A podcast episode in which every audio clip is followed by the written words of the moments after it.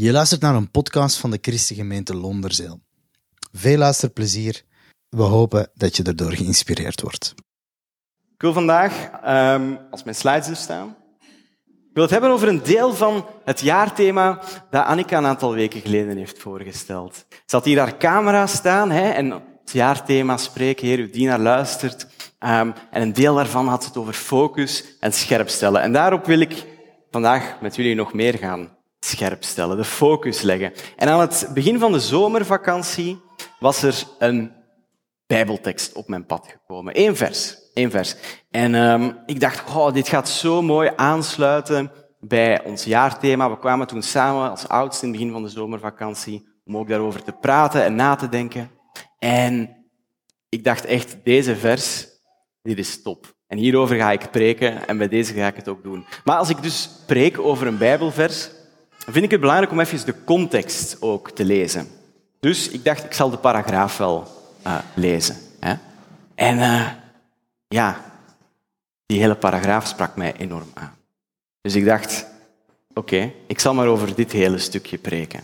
Maar ja, als ik over een stukje Bijbeltekst spreek, vind ik het belangrijk om de context even te lezen.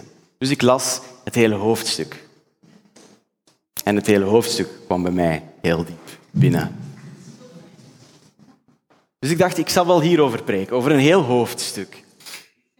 Maar als ik over een Bijbelhoofdstuk spreek, vind ik het belangrijk om even de context te lezen. En ben ik maar het hele boek gaan lezen. Nu, het viel wel mee, het was een kort Bijbelboek, uh, vier hoofdstukjes lang. Maar, je kunt het al wel raden, ja, het sprak mij in zijn geheel keihard aan. Dus dan dacht ik, ik zal daar wel over preken. Ik ben niet verder gaan lezen in de hele Bijbel. Het was... Het is, is oké. Het was een kort, een kort Bijbelboek. Um, uh, het was een brief van Paulus. En jullie zijn natuurlijk benieuwd welke brief het dan is. En um, tijdens mijn voorbereiding, ik, had, ik, vond, ik was trots op mezelf, ik had een cryptische omschrijving bedacht voor de brief. En dan mogen jullie raden. En ik vertelde het aan Leanne, en Leanne keek me aan en zegt, Brent, echt zo dom, zo flauw. dus uiteraard ga ik het doen. Nou, moeten jullie even raden? Ik heb al een tip gegeven. Het is een, een kort Bijbelboek. Het is een brief van Paulus. Janda mag niet raden, want die weet het. Annika weet het ook. En Mark weet het ook. Leanne weet het ook. Nou, de rest moet even... hier, is, hier is de tip. Het is een cryptische omschrijving. Hè? Een koninklijke brief. En je mocht roepen.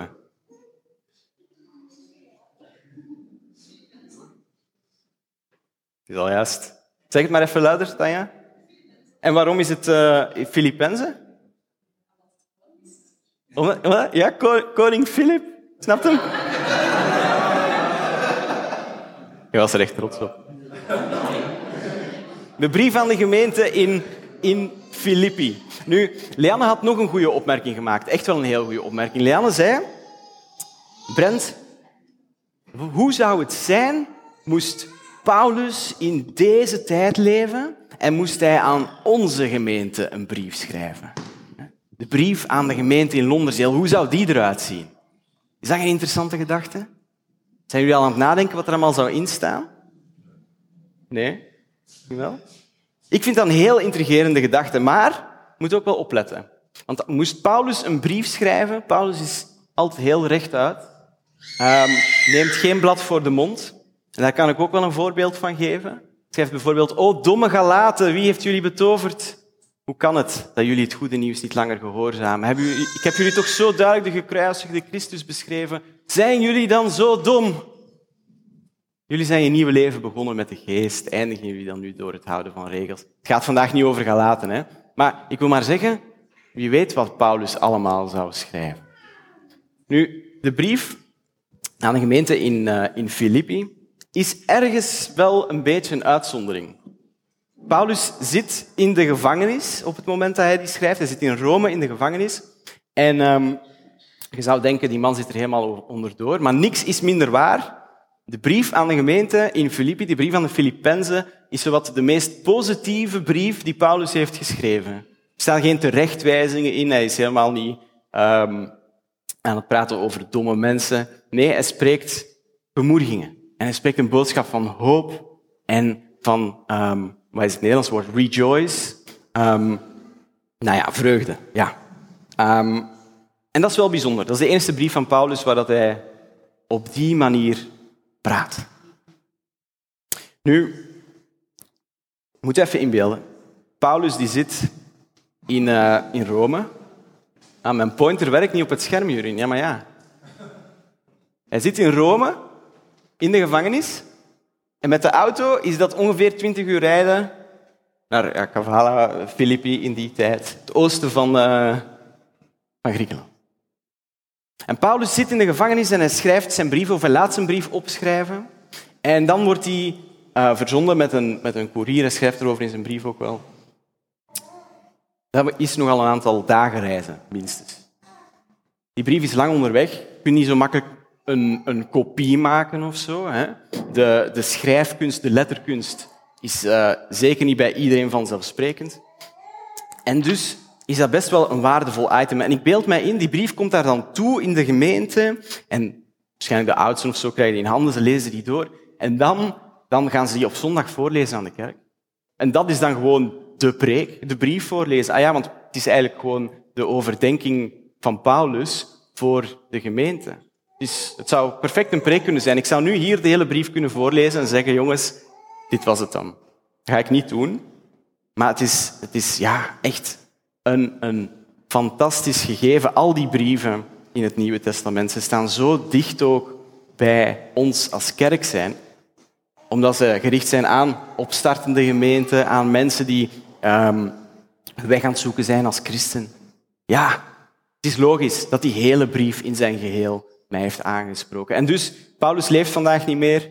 Eh, de brief aan de gemeente in Londerzeel is geen item, spijtig genoeg. Maar we hebben wel andere brieven. En laten we ons vandaag bemoedigen door de brief aan de Filippenzen. En hou het woord focus in jullie hoofd. Wat we vandaag doen is kort door de brief gaan. Ik heb een aantal versen uitgenomen die, um, nou, die de, die rode draad wel schetsen. Ik heb er ook een klein stukje uitgehaald. Uh, Paulus kan ook wel over saaie dingen schrijven. Nou, kijk. Um, en we gaan er doorlezen en dan gaan we zien wat we er voor ons uit kunnen halen. Paulus begint veel positiever dan Galaten. Elke keer als ik aan jullie denk, dank ik mijn God. Moest hij aan ons een brief schrijven, ik zou hopen dat hij ook op die manier begint. Hij dankt zijn God. Hij gaat verder. Ik bid dat jullie liefde aldoor zal blijven groeien. Klassiek Paulus, hè, degene die hier in de, zomer waren. We hebben drie keer uw kerk deelt gehad. Zaten we in die leuke kring en dan deelden we met elkaar. En ik had ook een stukje telkens over 1 Korinthe meegenomen. Korinthe 12, 13, 14. De liefde die centraal staat. Paulus spreekt heel vaak over de liefde. En hij hoopt hier dat de liefde zal blijven groeien. Want daardoor, zegt hij, zal ook jullie wijsheid groeien. Dan zullen jullie de dingen van God steeds beter begrijpen. Jullie zullen steeds beter gaan zien welke dingen werkelijk belangrijk zijn. Blijkbaar heeft liefde dat effect. God is liefde. Dus als wij, als onze liefde verder blijft groeien, nou, dan groeien we dichter naar God. En is dit al het gevolg van een mooie boodschap? Nu, Paulus gaat een stukje over zichzelf. Hij schrijft, broeders en zusters, het is niet erg dat ik gevangen zit. Want door alles wat er met mij is gebeurd, heeft het goede nieuws zich nog verder verspreid. Het is toch klassiek Paulus. Die man zit gevangen voor zijn, uh, zijn evangelisatiedaden. En hij zegt, ah, het is helemaal niet erg. Ik kan hier gewoon verder doen. Want alle mensen aan het hof van de keizer hier in Rome en alle anderen hebben gehoord waarom ik gevangen zit. Namelijk vanwege mijn geloof in Christus. En doordat ik gevangen zit, hebben de meeste broeders en zusters nieuw vertrouwen in de Heer gekregen. Ze zijn niet meer bang om in de gevangenis te komen. Ze durven zonder vrees het woord van God aan de mensen te vertellen. Paulus is een man met een missie, dat kunnen we wel zeggen. Maakt niet uit dat hij in de gevangenis zit. Hij vertelt dat niet alleen maar om op te scheppen of zo over zichzelf, helemaal niet. Hij vertelt het ook als bemoediging, want hij gaat verder en hij schrijft aan de Filippenzen: Laat u dus niet bang maken door mensen die jullie tegenwerken. Want als jullie niet bang zijn, zal dat de mensen duidelijk maken dat zij verloren gaan. Maar voor jullie zal het een teken zijn dat God jullie heeft gered. Wees vooral niet bang schrijft Paulus. En hij schrijft dat terwijl hij gevangen zit. Hè? Hij kan wel een, stukje spreken over bang zijn, het maakt niet uit. Hij gaat verder, hoofdstuk 2. Als jullie je inderdaad laten bemoedigen door Christus, en als jullie liefde voor elkaar hebben, en als jullie door de geest je laten leiden, en als jullie met elkaar meeleven, maak mij dan helemaal blij door samen één te zijn. Wat een mooie opleiding hier. Laten ons bemoedigen door Christus, liefde hebben voor elkaar, laten leiden uh, door de geest. We leven met elkaar mee en we zoeken de eenheid op. Dat is blijkbaar belangrijk. Dit is, we zitten in hoofdstuk 2 en Paulus heeft alleen nog maar hierover gepraat. Liefde, moet niet bang zijn, zoek de eenheid op. Prachtig. Hij gaat verder en hij schrijft, hou van elkaar, mensen. Heb allemaal, hier komt hij, hetzelfde verlangen en hetzelfde doel. Dit was niet de tekst trouwens die mij zo hard aansprak, daar komen we nog op. Maar wat een, wat een sterke versie hier. Hou van elkaar, heb allemaal hetzelfde verlangen en hetzelfde doel. Daar komen we er nog op terug. Want, schrijft Paulus, God wil dat iedereen in de hemel en op de aarde en onder de aarde de knieën zal buigen voor Jezus. God wil dat iedereen hardop zal toegeven dat Jezus de Heer is. Dat is de kern. Dat is de reden waarom we het doen, zegt Paulus. God wil dat iedereen hardop zal toegeven. Iedereen hardop zal toegeven dat Jezus de Heer En hij wil ons daarvoor gebruiken. Paulus gaat verder, want we staan daar niet alleen in. Hij schrijft, God zal ervoor zorgen dat jullie willen doen wat zijn plan voor jullie is. God heeft een plan met ons en hij zal ons daarin begeleiden. En dan niet alleen, hij zal er ook voor zorgen dat jullie het kunnen. Doe alles zonder mopperen of klagen. Zorg ervoor dat niemand iets slechts van jullie kan zeggen. Wees echte kinderen van God, op wie niets aan te merken valt. Want dan zullen jullie als stralende sterren zijn, die opvallen tussen de slechte en ongehoorzame mensen van deze tijd. En hier komt hij. Dit was de tekst die mij aansprak. Maar ik doe maar één ding, zegt Paulus. Hij doet maar één ding. Ik vergeet wat voorbij is en strek mij uit naar wat nog komen gaat. Ik span mij tot het uiterste in om mijn doel te bereiken. Dat doel is winnen van de hemelse prijs die God mij in Jezus Christus zal geven. Ik zal die prijs krijgen als ik de taak af heb die Hij mij heeft gegeven. Doe maar één ding. Vergeet wat voorbij is. Strek mij uit naar wat nog komen gaat. Ik span mij tot het uiterste in om mijn doel te bereiken. Deze tekst sprak mij enorm aan. En weet je waarom? Omdat het zo hard spreekt van vooruitkijken. En verlangen naar wat God van ons wil. En ons daarvoor openstellen en zeggen, ja Heer, ja Heer, kom maar. We willen vooruit. Ja, belangrijk is dus, Paulus schrijft, hè, om mijn doel te bereiken, ja, wat is dan ons doel? Wat is dan ons doel? Nou, Paulus heeft het uiteraard gezegd. We gaan nog eens kort door de brief gaan. Ik ga een paar dingen highlighten. Paulus bidt dat onze liefde aldoor zal blijven groeien. Dat is blijkbaar een belangrijke. Daar begint hij mee. Onze liefde zal moeten blijven groeien. En hij zegt dat we ons niet bang moeten laten maken door mensen die ons tegenwerken. Want als we bang zijn, als we niet bang zijn, Peter, zal dat duidelijk maken dat we niet verloren gaan. Uiteindelijk schrijft hij, maakt mij dan helemaal blij om samen één te zijn. Hij, maakt een soort van um, fundament hier. Hè? Hij zegt, mensen, laat, u, uh, laat de liefde groeien. Laat u niet bang maken. En zoek de eenheid op. En als dat fundament er is, nou dan kun je allemaal streven naar hetzelfde verlangen en hetzelfde doel. En dat doel is, ik had dat net ook al zo uh, mooi gezegd. God wil dat iedereen hardop zal toegeven dat Jezus de Heer is. Dat is ons doel hier.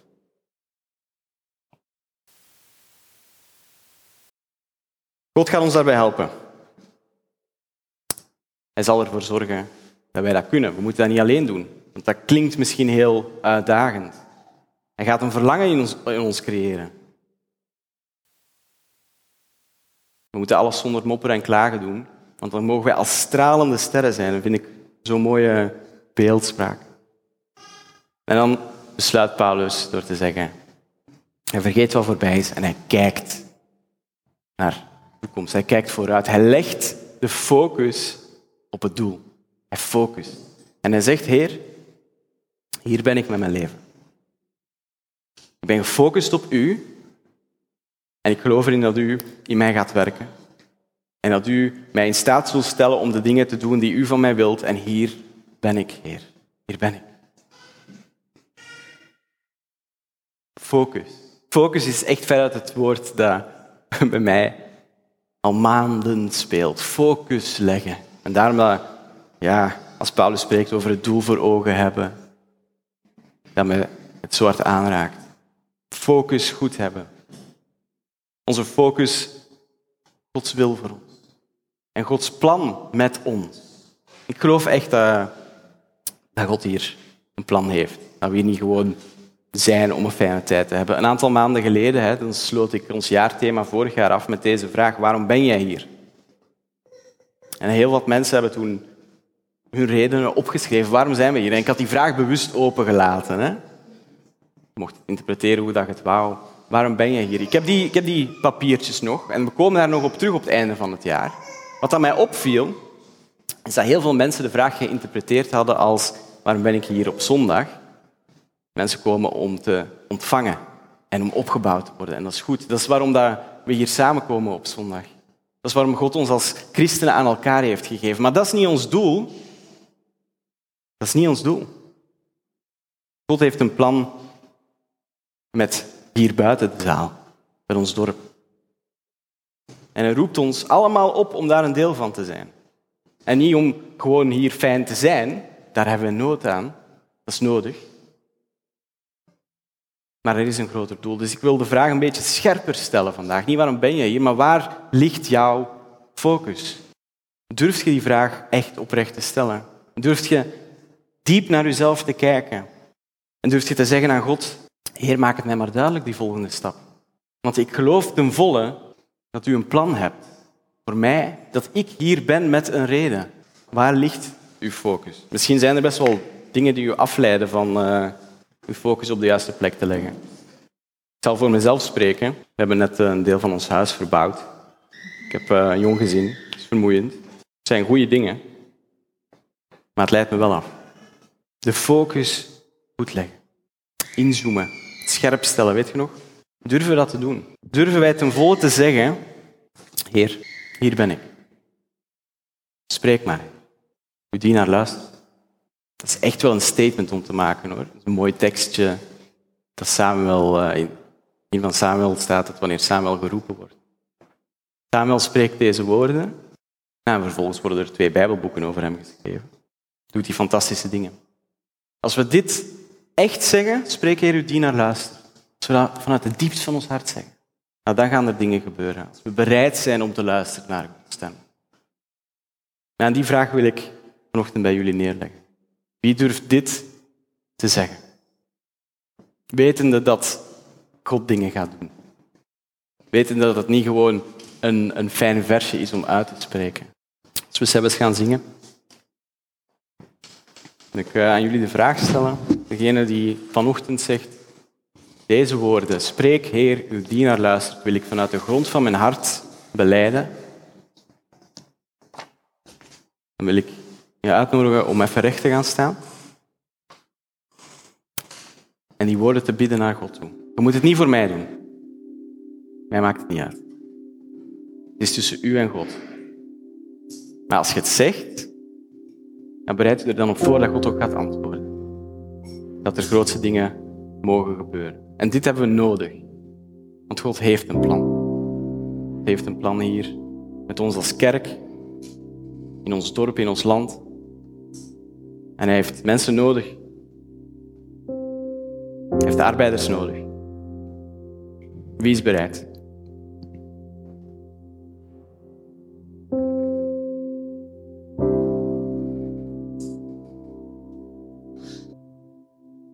Zijn wij, Heer. En we bidden, Heer, dat u tot ons spreekt. Heer, we bidden Dat u ons het geduld geeft om te luisteren. Dat u ons de moed geeft, Heer. Wat dat we horen ook echt in ons hart laten komen. En er gehoor aan te geven. Ook wanneer het buiten de comfortzone ligt. Ook wanneer dat offers vraagt op andere vlakken, Heer.